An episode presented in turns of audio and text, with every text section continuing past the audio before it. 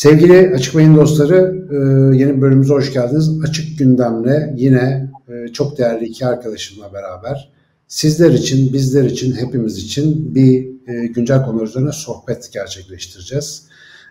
İkisi de çok kıymetli, çok önemli işler yapan, beni de çok besleyen iki değerli insan var bugün benimle beraber Açık Gündem programında. Çoğu zaman olduğu gibi sevgili Güneşin Oy Aydemir, sınıf arkadaşım, e, nasıl diyelim artık silah arkadaşım demedin değil mi? Yol arkadaşım. Oyun. oyun. Oyun arkadaşı evet oyun arkadaşı diyorduk doğru. Ve Ali Ercan Özgür'le beraberiz. Ali Ercan Özgür'le ben biraz geç tanıştım. Bunun işte tabii pişmanlığını yaşıyorum ama inşallah e, zaman ve imkanlar el verdiğince de tanışıklığımı ilerletmek istiyorum. Kendisi böyle yapılandırma, onarma, düzeltme işlerine bir şekilde hayatını vakfetmiş insanlardan bir tanesi. Türkiye'de adını muhtemelen şu ana kadar çoğunuzun duymuş olduğu ihtiyaç haritasının mimarlarından ve şu afetlerle geçirdiğimiz dönemlerde en ihtiyaç duyduğumuz zihinlerden ve gönüllerden bir tanesi. Sağ olsun e, Güneş'in sayesinde de e, kendisiyle tanıştık. Ve e, uzaktan da olsa hem hayranlıkla hem dikkatle neler yaptıklarını takip ediyoruz. Onlar için neler yapabileceğimizi sorguluyoruz ve onların yaptıklarından ne dersler alabiliriz, neler öğrenebiliriz, geleceğe nasıl hazırlanabiliriz onu çıkarmaya çalışıyoruz. Bugünkü açık gündem bölümümüzün ana başlığı insanın afetle imtihanı. Afetler çağına girdiğimiz konusunda ikna olmuş durumdayız biz. Bayağı bir afet çağına doğru gidiyoruz. Bir sürü afetleri ardı ardına yaşıyoruz. Bitmiyor. Yok müsilajıdır, yangınıdır, selidir, depremidir. Hepsi arka arkaya geliyor. Fakat şu ya da bu şekilde tabiatın içinde yaşayan varlıklar ve biraz da tabiatı sorumsuzca istismar eden varlıklar olarak bu sonuçlara katlanmayı da bir şekilde öğreneceğiz. Hem verdiğimiz hasarı aza indirmek hem de verdiğimiz hasarların da desteklediği bu afet döneminden en az hasarla çıkmak için neler yapacağımızı konuşacağız. Ee, ben bu konunun uzmanı değil öğrencisiyim. Dolayısıyla bu konunun hakikaten uzmanı olan, bu konunun e, bu konuya kendilerini adamış iki isim de burada. Ve öncelikle ben sevgili Güneş'ine bir merhaba deyip bu insanın afetle imtihanı konusunda e, nereden başlayalım? Gerçekten biz bu işi becerebilecek gibi gözüküyor muyuz? Şu anda ne durumdayız? Ve neler yapabiliriz konusunda bir açılış yapmasını isteyeceğim. Buyur Güneş'inciğim. Valla ee, ben aslında afet uzmanı değilim. Afet habercisiyim. Ee, Cassandra sendromu diye bir e, şey var, tanımlama var e, Sinan. E, Cassandra meşhur mitolojik karakterimiz. Troya kentinin e, ele geçirileceğini e, ve e, işte ya, yakılıp yıkılacağını, e, yağmalanacağını görmüştü daha önceden. E, sonra da işte bütün e, Troyalıları uyarmıştı. E, bunun için bir şey yapmayacak mısınız diye. Fakat bir laneti vardı Cassandra'nın. O da mitolojik bir hikaye. Ee, Apollon e, Cassandra'yı lanetlemiştir ve şöyle lanetlemiştir. Sen geleceği göreceksin, haber vereceksin, söylediklerinde çıkacak ama hiç kimse seni dinlemeyecek.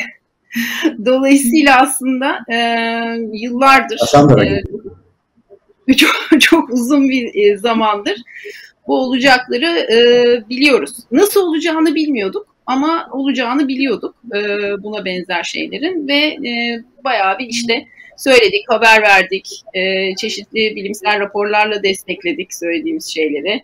E, ve fakat e, işte bugün e, buradayız. E, dolayısıyla afet habercisi çok da bunu böyle hani felaket tellalı gibi değil, güzel güzel de söylemiştik aslında. E, vakit varken toparlanalım diye. E, ikinci, ikinci yaşam okulu Güneş'in hangi seneydi o? E, 2012. 2012. 2011. Ilk defa, ha, 2011 doğru. Ee, ilk defa o vehameti böyle sırtında hissedebileceğin e, o raporları e, dinlemiştim ilk defa orada. Dedim ki ya bunlar da güzel abartıyorlar zaten daha da çok var 2030 oho falan diye. Vallahi geldi yani gerçekten Cassandra gibi bir modunuz var onu söylemem lazım. İnanılması zor geliyor çünkü bu havalar hep böyle gidecek zannediyoruz. Buyur. Evet. E, o nedenle şey hani Cassandra'nın laneti e, gibi de bu. Dolayısıyla aslında şu anda e, hazırlıksız yakalanmış bir durumumuz da var. E, afetin tam içinden e, Ali Ercan e, burada. Dolayısıyla hani bir e, şey de aslında onlar da böyle e, benim takip ettiğim kadarıyla afetlerle birlikte evrimleşiyorlar, öğreniyorlar ve e, en güzeli de öğrendiklerini yeni deneyimlere e, deneyimlerini katarak ilerliyorlar. E, ben şeyi sormak istiyorum aslında birazcık bu e, sivil bir yapılanma oluştu e, bir süredir. E, Elazığ Van depremi e, sırasında zannedersem e, bu e, afet platformu. E, o afet platformu nasıl oluştu, nasıl çalıştı ve en son şu an hangi durumdayız? Bir, istersen onunla başlayalım. Afet platformu e, Elazığ depreminde yani 2020'nin başında Ocak ayında e, Elazığ depremin öncesi biz aslında ihtiyaç haritası olarak Elazığ'da bir çalışma yapmak için zaten gidecektik. Yani hayatın biraz da tevafu, tesadüfü e, artık nasıl adlandırırsak. E, bizim pazar günü uçak biletimiz vardı. Cuma günü deprem oldu. Valilikle de irtibat halindeydik. E, son dönemde de ama sivil toplum kuruluşları yani bizim bildiğimiz e, anlamda hani Türkiye'de eğitim alanından engelli alanında aktif olan sivil toplum kuruluşları afet alanında çok aktif değildi. Yani Türkiye'de akut e, bu işin öncüsü oldu. Sonraki yıllarda işte İHH gibi, işte Hayrat Vakfı gibi, Deniz Feneri gibi birçok kuruluş yurt dışı operasyonlarında da hatta yani Kızılay'la, AFAD'la e, bir fiil e, afet alanında, e, afet yönetimi alanında görev almaya başlamış ki biz de bunları Elazığ'da aslında görmüş olduk. Ama biz bir refleksle e, ya dedik ki iyi gün için gidiyorduk, kötü gün için de gidelim.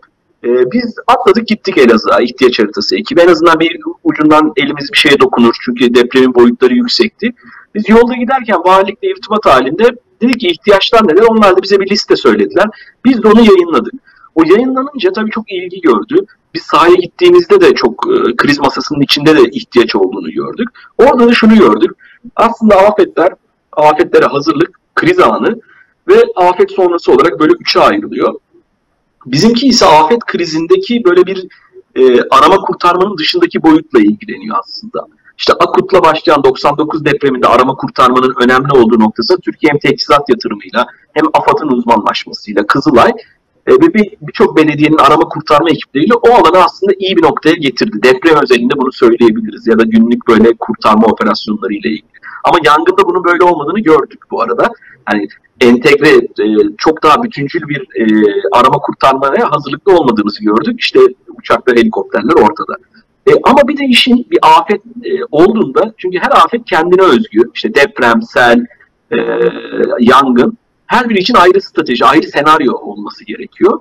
Ee, Elazığ depremi özelinde ise tabii halkta ciddi bir travma oluştu. Yani bir yandan arama kurtarma, yakınlarını kaybedenler, o şehirde o büyüklükte bir depremi yaşamış olmak, e, insanların evlerine girmiyorlar, evlerindeki eşyaları yani ciddi bir aslında toplumsal psikoloji e, var. Bu toplumsal psikoloji tabii arama kurtarma esnasında devlet erkanı, kamu biraz ona odaklandığı için bu taraf birazcık geride kalıyor.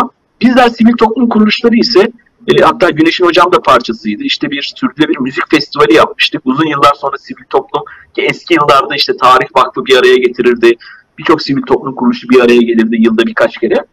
Bir öyle bir araya geliş sonrası biz Elazığ'da tekrar böyle birçok sivil toplum kuruluşu 30'a yakın bir araya gelip bir e, dedik ki afet platformu, afetlerdeki yardımların koordinasyonu üzerine birlikte çalışalım. Çünkü şöyle bir durumla karşılaşmıştık. 170 tane tır gelmiş, depo e, girmek için bekliyor. Tırlarda ne malzeme olduğu belli değil ve e, insanlar da 50 noktaya e, işte afetten zarar gören afetzedeler yerleştirilmiş durumdaydı. Bu sadece kamunun eliyle yürütülecek bir e, operasyon değil. Afet gönüllülüğü dediğimiz, afette sivil toplum, kamu, özel sektör işbirliğinin çok ihtiyaç olan bir alanıydı. Biz aslında ne yaptık Elazığ depreminde? ihtiyaç haritası sistemimiz, ihtiyaç sahipleriyle destekçileri buluşturan bir sistem. Biz onu afet ölçeğinde şehir ölçeğine yayabildik. Yani afet zedeler vardı, ihtiyaçları vardı, depoda malzemeler var. Biz bu ikisi buluşamıyordu. Biz bu ikisini buluşturabilecek sistemi aslında basit bir teknolojiyle e, arka planda gönüllüleri harekete geçirerek, şehirdeki gönüllüleri bir gecede 600 tane gönüllüyle beraber aslında bu organizasyonu yapıp şehirde e, tırların boşaltılması, tasnif edilmesi, bunların e, ihtiyaç sahiplerine ulaştırılmasını organize ettik. Bu afet platformundaki bu dayanışma birçok sivil toplum kuruluşu ile beraber bir e, ortak e, platforma dönüştü. E, işte sonra Edirne'de mülteci krizi oldu. Yine arada Giresun'da sel felaketi oldu. Güneş'in dediği gibi her afette biz bir şey, birazcık evrimleştik. Bilgi birikimimiz arttı, deneyimimiz arttı, kriz masamız oluştu. Ve yolculuğa devam ediyoruz. En sonunda işte yangınlarla beraber tekrar hem de işte yakın zamandaki sel felaketiyle yeniden harekete geçtik diyebiliriz.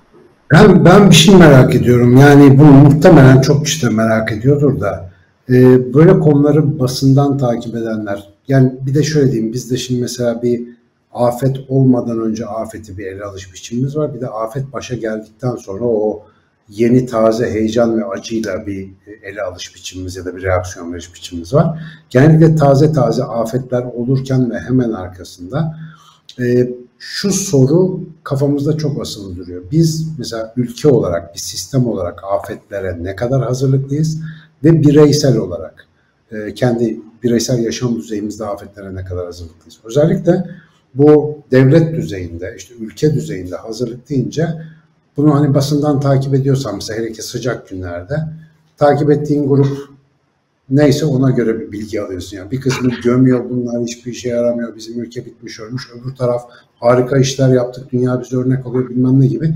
iki uçta salınan böyle bir garip algı oluşturma çabası var. Ben senin bu konudaki gözlemini çok önemsiyorum. Çünkü alanda olup bu işi yapan insanların başka şeyler gördüklerini biliyorum. Yüz üzerinden kaç not alırız? Önce ülke olarak sonra bireysel olarak bu sorumu soracağım.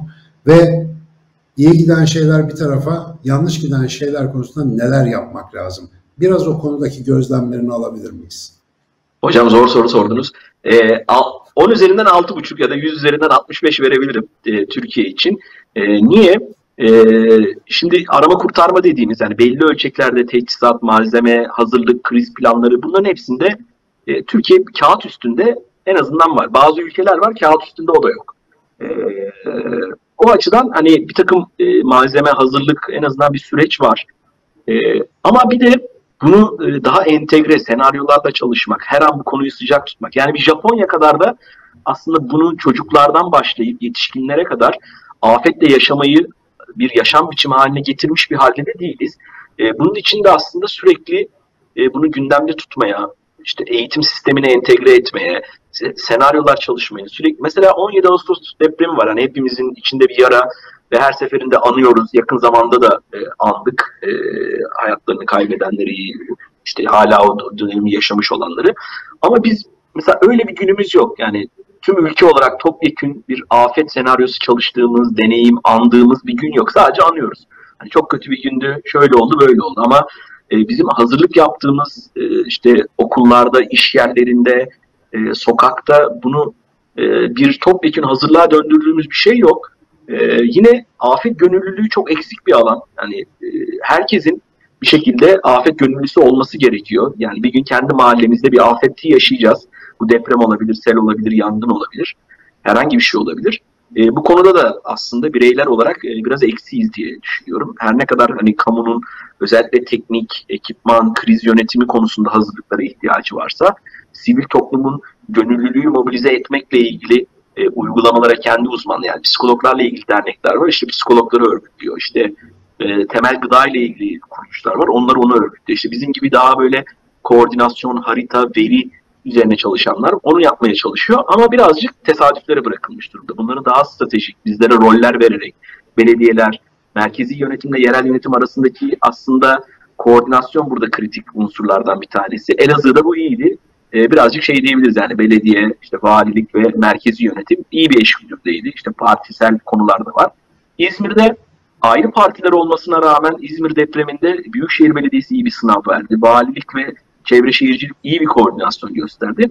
Ama aynı merkez yerel ilişkisini e, bu son yangınlarda oluştuğunu söyleyemeyiz. Zaten kaosu ve iletişim kaosunu e, oluşturan halkın bu işe el atmasını e, işte ünlü isimler helikopter falan kiralamaya kalkar bir hal. Bu durumun nasıl bir kaos olduğunu gösteriyor. Burada da e, birazcık hani merkezi yönetim, yerel yönetim her ikisi de e, birazcık iletişim kopuğu vardı. Böyle durumlarda bu senaryoların da çalışılmış olması, eşgüdüm halinde sivil topluma verilecek rollere kadar sahada şunu gördük. Siz sahayı hani önemli affettiniz. E, yani bazı depoların e, tırmağa ihtiyacı var. Bazı depolardan tırmık taşıyor. Ve bunlar sahaya ulaştırılamıyor. Yani kriz anında böyle bir saat bir gün gibi geçtiği için Yani bir bilgi bazen çok eski bir bilgi oluyor. Çok anlık müdahaleler yapılması gerekiyor. E, o yüzden de yani ne tam hazırlıklıyız full e, ne de hazırlıksızız diyebilirim. Burada da şu gelecek hani kaygısıyla ilgili İstanbul depremi. Hani hep konuşuyoruz İstanbul depremi bir kaygı var. Ama buna dair ne gönüllülükle ilgili, ne insanları harekete geçirmek, ne okullarda bunu müfredata entegre etmek sürekli, yani bana sorarsanız her okulda en az yılda 3-4 tane tatbikat yapılması lazım. Çocuklara senaryo, ödev verilmesi lazım ki evlerine de gitsinler, ailelerini e, çalıştırsınlar. Bu konu hakikaten ciddi bir konu ama maalesef ciddiye alınmıyor gibi bir durumdayız. Ya bu tam burada bir anımı anlatmam lazım. Daha önce Güneş'ine bahsetmiştim bundan. Ee, pandemi başlangıcından birkaç sene evvel 2018'de falan belki e, TÜBİTAK'ta uzmanlarla bir toplantımız, eğitim çalışmamız olmuştu. Onun sonucunda orada bu deprem ve deprem simülasyonları ile ilgilenen arkadaşlar vardı. Yani işte bu senaryo çalışmaları falan onlar yapıyorlar.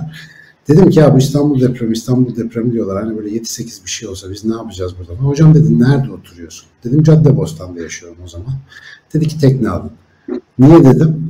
Yani İstanbul'dan başka çıkış yok dedi. İstanbul'da deprem öldürmeyecek. Bizim bütün yaptığımız senaryolarda İstanbul'dan kimse çıkamayacağı için kaostan, kargaşadan ve hastalıktan işte tedarik sağlanamadığı için insanlar ölecek. Şimdi bu e, korkunç ve son derece anlaşılması mümkün basit bir senaryo.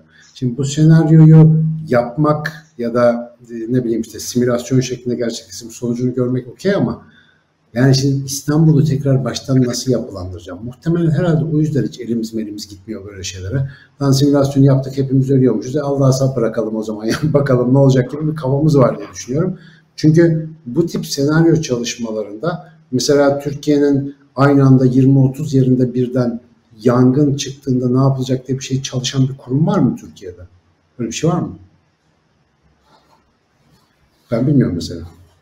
Bir de şey de var aslında. Hemen araya gireyim. E, 30-40 yerinde yangın ama aynı anda e, bir sürü fe, e, şey e, afet. Yani e, mesela işte multiple crisis denilen o katman katman bir birleşik üst üste etkileri. Yani şeyde hani biz burada Kaz Dağları'nda e, risk haritası içerisindeydik ve bayağı nöbet tuttuk yani Çamtepe'de. E, fakat şöyle bir e, işte muhtarla şununla bununla konuştuğumuzda şey, şey yani bütün alet edevat yangın bölgesinde. Yani burada bir yangın çıkarsa zaten yanıyoruz biz. Dolayısıyla ben yani yangını nasıl seyredeceğim hazırlığı yaptım sadece kafamda. E, dolayısıyla şey e, ve bir yanda yangın var. Daha yangınlar soğutulurken yukarıda sel var. Ondan sonra ve hepsinden hepsinin yanında Covid var mesela. Yani aynı anda bir sürü e, depremle şey bir sürü afetle aynı anda uğraşmak zorunda kalabiliriz. E, fakat e, bir yandan da hani yerel anlamda e, bir dirençlilik kazanmamız da bir çözüm gibi geliyor bana. Çünkü her afet hani sen de söyledin Ali Ercan. Kendi içinde kendi doğası var. Kendi kaosunu yaratıyor. E, senaryolar e, var tabii ki. Bunlara hazırlıklı olmamız lazım. Ama bir, bir yandan da aslında e, hepsi de kendi içerisinde tek yani bu afetlerin. Çünkü o anki koşullarla e, oluşuyor. E, bu anlamda aslında galiba bu afete müdahale, hazırlık, müdahale ve sonrası için yerellik, e, yerel bazda bir takım örgütlenmelerin oluşması çok önemliymiş gibi geliyor bana. Sen ne dersin? Kesinlikle katılıyorum. Biraz aslında bu yangında da bunu yani organize olmayan şekilde ama yani halkın yani bence sevindirici taraf o. Yani bizdeki bu imece kültürü, insanların sorumluluk alma dürtüsü ben birçok ülkeden daha iyi noktada görüyorum açıkçası. Ee, dediğin gibi yerelde de biz gittiğimizde hani birçok noktada e, vatandaşlar yani başka şehirlerden gelmiş, işte Marmaris'in merkezinden gelmişler, Bodrum içinden koşup e, o Can abiyle ellerindeki tırmıklarla bir takım bildikleri yöntemlerle e, yangını söndürmeye çalışıyor. Ama bu tabii ki bu yani nasıl aş tesadüflere bırakılamaz. Hani birazcık da e, yani afette hazırlık, afet operasyonu da tesadüflere bırakılamaz. Maalesef biraz o haldeyiz. E, o yüzden de yerel örgütlenme, mahalle bazında örgütlenme e, çok kritik. E, onu da yapabilecek bence e, kapasitemiz var yani sivil toplum kuruluşlarıyla, bundan e, hareketle uygulama yapan kamu kurumlarıyla. E, Birçok yerde bu imkan var. E, ama e, iş birazcık hani buna kafa yoracak insanların bir araya gelmesine e, ihtiyaç duyuluyor. Çünkü maalesef bir yanımızda hani Sinan Hocam belki o tarafını daha iyi e, anlatır. Benim de anlayamadığım, belki ben de hani soruyla cevap vereyim. Yani unutuyoruz, her seferinde unutuyoruz. Ben bunu anlayamıyorum. Yani unutup sıfırdan sanki yepyeni olmuş gibi başlıyoruz. Yani biz Elazığ'da da yani o yüzden mesela afet platformunun varlığı en azından sürekli bir iletişim olması açısından sağlıklı. Kamunun içinde de bu var ama bu eşgüdüm bir şekilde yakalanamıyor yani. Topyekun bir organize e, bir e, hareket yani böyle filmlerde olur ya böyle bir afet olur ve her şey çok kontrol altındadır falan. İşte e, şey kurtarma planları falan yapılır. E, yani buralarda belki biraz daha e, hani bilmiyorum hani gündemde nasıl tutarız bunu e, çok ihtiyacımız var. Bir e, aslında yani burada yaptığımız gibi tutacağız bu işte. Başka pek çok da bir yolu yok yani. Bir hemen bir örnek anlatayım. Ee, hani neden unutuyoruz konusunu bence Sinan e, güzel söyler. Bir arkadaşımız bu güvercinlikteki otel e, yanarken bir arkadaşımızın kızı orada bir arkadaşına gitmiş. Otelde kalan bir arkadaşına e, bir gün önce gitmiş. Akşam kalmışlar işte. Ertesi gün yangın çıkıyor ve e, kızı kurtarmaya işte nasıl kurtarılacak? E, kız da şey e, yani yıllarca yurt dışında yaşadılar. Yunanistan işte e, Belçika'da yaşıyorlar şu anda falan. Böyle bir Avrupa eğitimi almış bir kız çocuğu olduğu için yani 17 yaşında gencecik bir kız. Yangın yanıyor. Kız bütün soğukkanlılığıyla şey demiş oradaki görevlilere. Protokol ne? Sürekli olarak protokol ne diye soruyormuş. ne protokolü falan diyorlarmış. Yani hiçbir şekilde bilmiyorlar. Bu arada o otel yani o yangında şey yapan otel daha önce Çok orası yandı, bundan bilmem kaç sene önce 10 küsur sene önce yandıktan sonra oraya yapılan otel. Yani hani hep deniyordu ya fidan dikelim çünkü buralar imara açılacak. İşte o geçmişi var o, o şeyin korkunun. Çünkü orası yanmıştı, güvercinlikteki orası yanmıştı ve o orayı fidan işte şey ağaçlandırdılar, ağaçlandıracağız dediler. Yerine o otel. Otelin ismi de söyleyeyim mi? Titanic. yani inanılmaz bir e, şey ironi var yani ortada. Kızcağız sürekli olarak protokol ne diye soruyormuş. Hiç kimse e, ne protokolü falan diyorlarmış. E, hani bu, bu kadar da basit şeyden bahsediyoruz bir yandan. Evet. Valla aslında neden olduğunu anlamıyoruz dediğiniz o unutma meselesi bizim bu afetlerle imtihanımız konusunda benim taraftan çok önemli bir şey söylüyor. Biz mesela önemli şeyi öğrenebilmek için önemsiz olanı unutarak seçici bir hafıza yerleştiriyoruz zihnimize. Yani önemliler hatırlamaya değer olarak kodlanıp yazılıyor, önemsizler siliniyor. Önemsiz derken mesela neler bizim için önemsiz ya da hatırlanmaya değmez diye kodlanıyor. Baş edemediğimiz duygusal deneyimler, darbeler. Mesela bunlar arka plana travma diye atılıyor. Zihnimiz bunu hatırlamıyor ama bunlar arka planda bütün hayatımızı bozuyor. Ya da elbiselerimizin vücudumuza bütün gün temas etmesi gibi faydasız bilgiler de böyle. O veri de geliyor derinden ama beyin onu tutmuyor. Afetler bizi hiçbir şey yapamayacak derecede çaresiz hissettirdiği ve muhtemelen her seferinde bize aynı şeyi yapabildiği için hatırlama ihtiyacı göstermiyoruz belki de. Eğer biz afetlerde işte burada alanda çalışan arkadaşlarımız gibi her seferinde yeni bir şey öğrenip bundan birkaç sefer sonra protokoller oluşturabilsek, hazırlıklı olsak, daha olmadan işte senaryo simülasyon çalışmalarıyla olası en kötü durumlara hazır hale gelmeye çalışsak bu durumda en iyi hatırlayacağımız şeyler onlar olur. İşte hep anlatırlar ya Japonlar Hiroşima ve Nagasaki'ye atılan bombaları hiç unutmadıkları için bugün böyle oldular falan filan diye orada. Ne kadar efsane ne kadar gerçek bilmiyorum ama o süreçten sonra Japonya'nın bir şey olabilmesinde bunun büyük payı olmalı. Büyük felaketleri, büyük darbeleri unutmak çaresizliğin bir işareti. Ve sıklıkla bizimki gibi ülkelerde en çok edebiyata yapılan şey de dikkat edin bu çaresizlik yani hep edebiyat yapılan derken dile dökülen, ortaya çıkıveren. Çünkü İstanbul depremi diyorsun, deprem uzmanının bile tek hissettiği şey çaresizlik yahu. Yani depremin zaman ne zaman olacağı belli değil. Altının üstünde olursa Allah bize yardım etsin. Buradan çıkış yok. Loy loy lom gittik geldik. Başka hiçbir çıkar yolumuz olmadığı için 99'daki felaketi de unutmayı tercih ettik. iki hafta oldu değil mi bu yangın e, şeyi silsilesini atlatalı neredeyse. İki hafta içinde çoktan unutmaya başladık. O unutmayacağız, unutturmayacağız dediğimiz hiçbir şey 10 günden fazla dayanmıyor. Bence sebebi bu. Bugün sayenizde bir aydınlanma geçiriyorum. Ben unutulacak şeyler başta olmak üzere birçok kitapta unutmanın mekanizmasını yazdım ama bu acı tecrübeleri niye bu kadar kolay unuttuğumuzu daha önce düşünmemiştim. Baş edemiyoruz çünkü. Baş edemediğin şeyi hatırlayıp ne yapacaksın? O yüzden Ali Ercan sizler gibi alanda bu işin know-how'ını, bilgisini üreten, güneşin gibi gelmeden önce haber vermeye çalışan insanların bu hafızaya çok önemli katkısı var. Her gün sizleri televizyonlarda, bu YouTube kanallarında orada burada konuştursak yeridir diye düşünüyorum. Başka türlü hatırlamayacağız çünkü. Bin tane deprem olsa yine hatırlamayacağız bu mantıkla. Çaresiz çünkü. Yani biz baş edemediğimiz şeyi unutuyoruz. Ha, burada da demek ki baş edemiyoruz ki unutuyoruz. Güneş'in sen ne diyorsun mesela bu konuyla ilgili? ya şimdi e, gerçekten unutuyoruz ve bu söylediğin şey çok doğru. Yani ben dün mesela işte e, unutmadık diye e, Kafa Dergisi şey yazmış 17 Ağustos falan. Ben de taş gibi unuttuk kardeşim. Yani kendimizi kandırmayalım. E, hatta işte yangınlar yani daha risk devam ediyor. Yangınların haberi kesildi falan. Böyle şeyler oldu. Dolayısıyla hani e, unutuyoruz. Ama benim gerçekten merak ettiğim şey şu.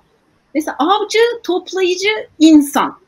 Şimdi bu insanın hayatı sürekli olarak şeydi yani e, sürekli afet gibiydi. Yani afet gibi deniyor ama aç kalma riski var. Ondan sonra işte vahşi hayvan tarafından parçalanma riski var. Ondan sonra işte bugün bir günlük bir rutin oluşturamıyor mesela. Her an tetikte olmak zorunda vesaire vesaire.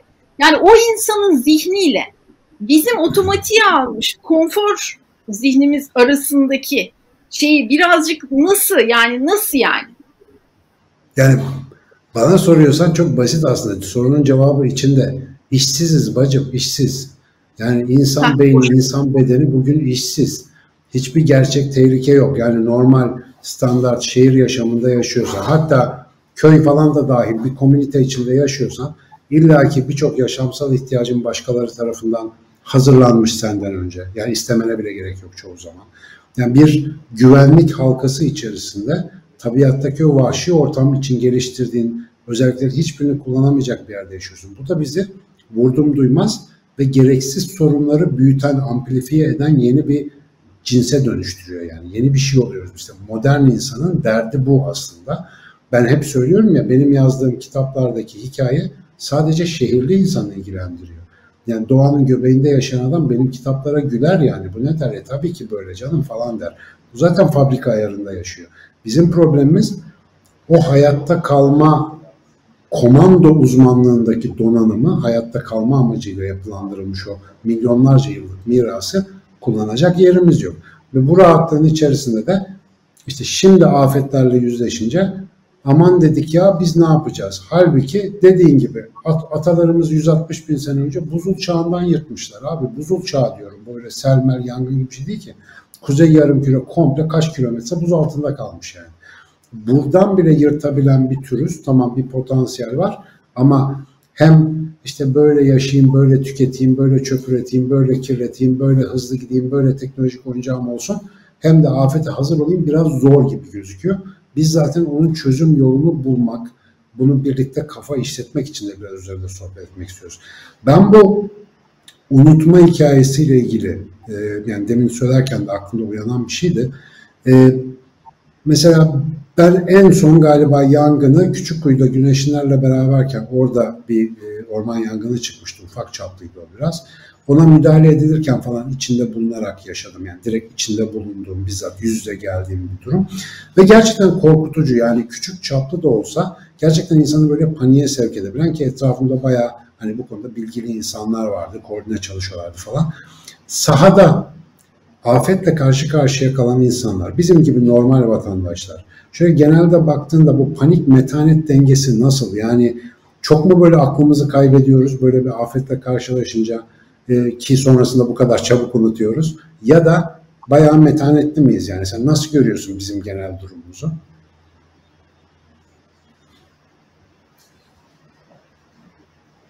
Ha, sesin gelmiyor. Ses yok. Ses.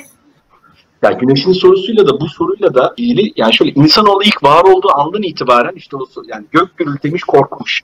Ee, işte ne bileyim bir işte avcı toplayıcı yani bir karşısına yırtıcı hayvan çıkmış korkmuş işte mağaralara sığınmış bir şekilde topluluk olmaya çalışmış bir araya gelip işte doğayla mücadele etmeye çalışmış. Bu hep hani hem adaptasyon hem işte o dayanıklılık ama bu dönem yani hem bu e, sizin sorduğunuz ilintili abi yani bir e, anti-fragile yani kırılgan ötesi de olma durumu var. Yani güçlü olmak, hani duruma adapte olmanın dışında ötesine geçip hani o işte e, insanoğlunun itici gücü, yaratıcı gücü, işte işsizlik dediniz yani aslında meşguliyeti yok. Meşguliyet yaratmadığımız için, kafaları meşgul etmediğimiz için, bedeni meşgul etmediğimiz, hele bu şehir yaşamında o meşguliyetsizlikler e, bizi e, gereksiz kaygılara, işte sürekli daha spiritüel dünyaya, e, daha e, bilimden uzak bir itiyor bizi. O yüzden de e, sanki bu dönemde biraz daha bu meşguliyetleri, meşgaleleri, yani gönüllü yani biz işte gönüllülük yoluyla diyoruz. Yani sürekli meşgul etmemiz lazım insanların kafasına afet meselesiyle ki işte o unutma olmasın bir yandan. Ama bir yandan da o yaşadığıyla da dayanışabileceği çünkü afet zamanları ve o şehirde aslında ekonomileri çok büyütüyor. Yani bir de öyle bir gerçeği var bunun. E, o etkisiyle beraber bir e, ekonomi büyüyor. E, ciddi bir bilgi birikimi büyüyor. Ama bir yandan göç de oluyor. Yani orada ciddi bir nüfus kaybı da e, oluyor. E, ve bunların çok işte yani güneşin dediğinden yani bunların çok arttığı bir dönemde yaşıyoruz. Yani bunlarla baş etmek de e, hepimiz için zor bir mesele. Yani onu yaşayanlar, başına gelenler için zor. İşte bizler uzaktan izleyenler ama buna e, işte gönül veren ve kafa yoran insanları olarak zor. Elden bir şey gelmemesi ve yetersiz kalması daha da zor. Yani bu zorluklar içinde e, aslında o kolektif çaba yani dayanışma, bir araya gelme, insanın birbirinden etkileşerek e, öğrenmeyi arttırması ve bilgiyi arttırmasına ihtiyaç var. Ancak böyle oluyor. Yani bizim işte bu afet platformu dediğimiz, ihtiyaç haritası dediğimizde yani bir fikirle başladı. Yani bu biz mesela işte Marmaris'teki köyleri gezerken işte Covid döneminde çağdaş yaşamın işte e, bilgisayar desteği vermişiz İzmir'deki şeylerine, e, ekiplerine. Oradaki ekipler vardı yangına yardıma gelmişler İzmir'den kalk. Biz orada tanıştık onlarla.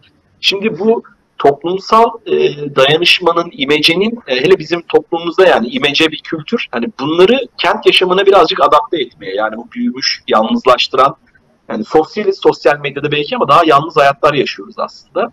Daha kolektif olacağımız, toplumsal e, birlikteliği daha iyi hissedeceğimiz bir e, sürece doğru evrilmemiz gerekiyor. Hani onu da nasıl işte taşlarını döşeyeceğiz belki yani güneşin sizin o konularda daha iyi fikirler var. Yani çok çok önemli bence bir şey söyledi. üzerine düşünmediğimiz zaman ciddi konuların gayri ciddi konular bütün hayatımızı dolduruyor. Tene düşüyoruz, keyfe düşüyoruz. Saçma sapan işte hedeflerin, amaçların peşinde ömür tüketiyoruz.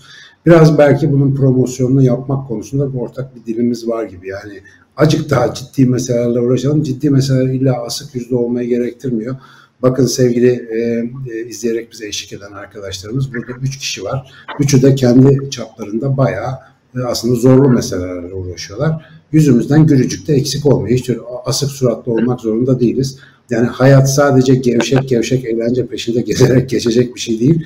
Bunu etrafımıza bir kültür olarak yerleştirdikçe de bu tip işlere daha hazır olacağız gibi geliyor. O yüzden ben bu son söylediğinin altını bir çizmek istiyorum. Yani biraz ciddi meselelere ciddi zaman ayırıp aklın, bilimin, yolunun bize neler gösterdiğine de bir sıklıkla göz çevirip bakmak lazım galiba. Güneş'in ilave etmek istediğin bir şey var mı?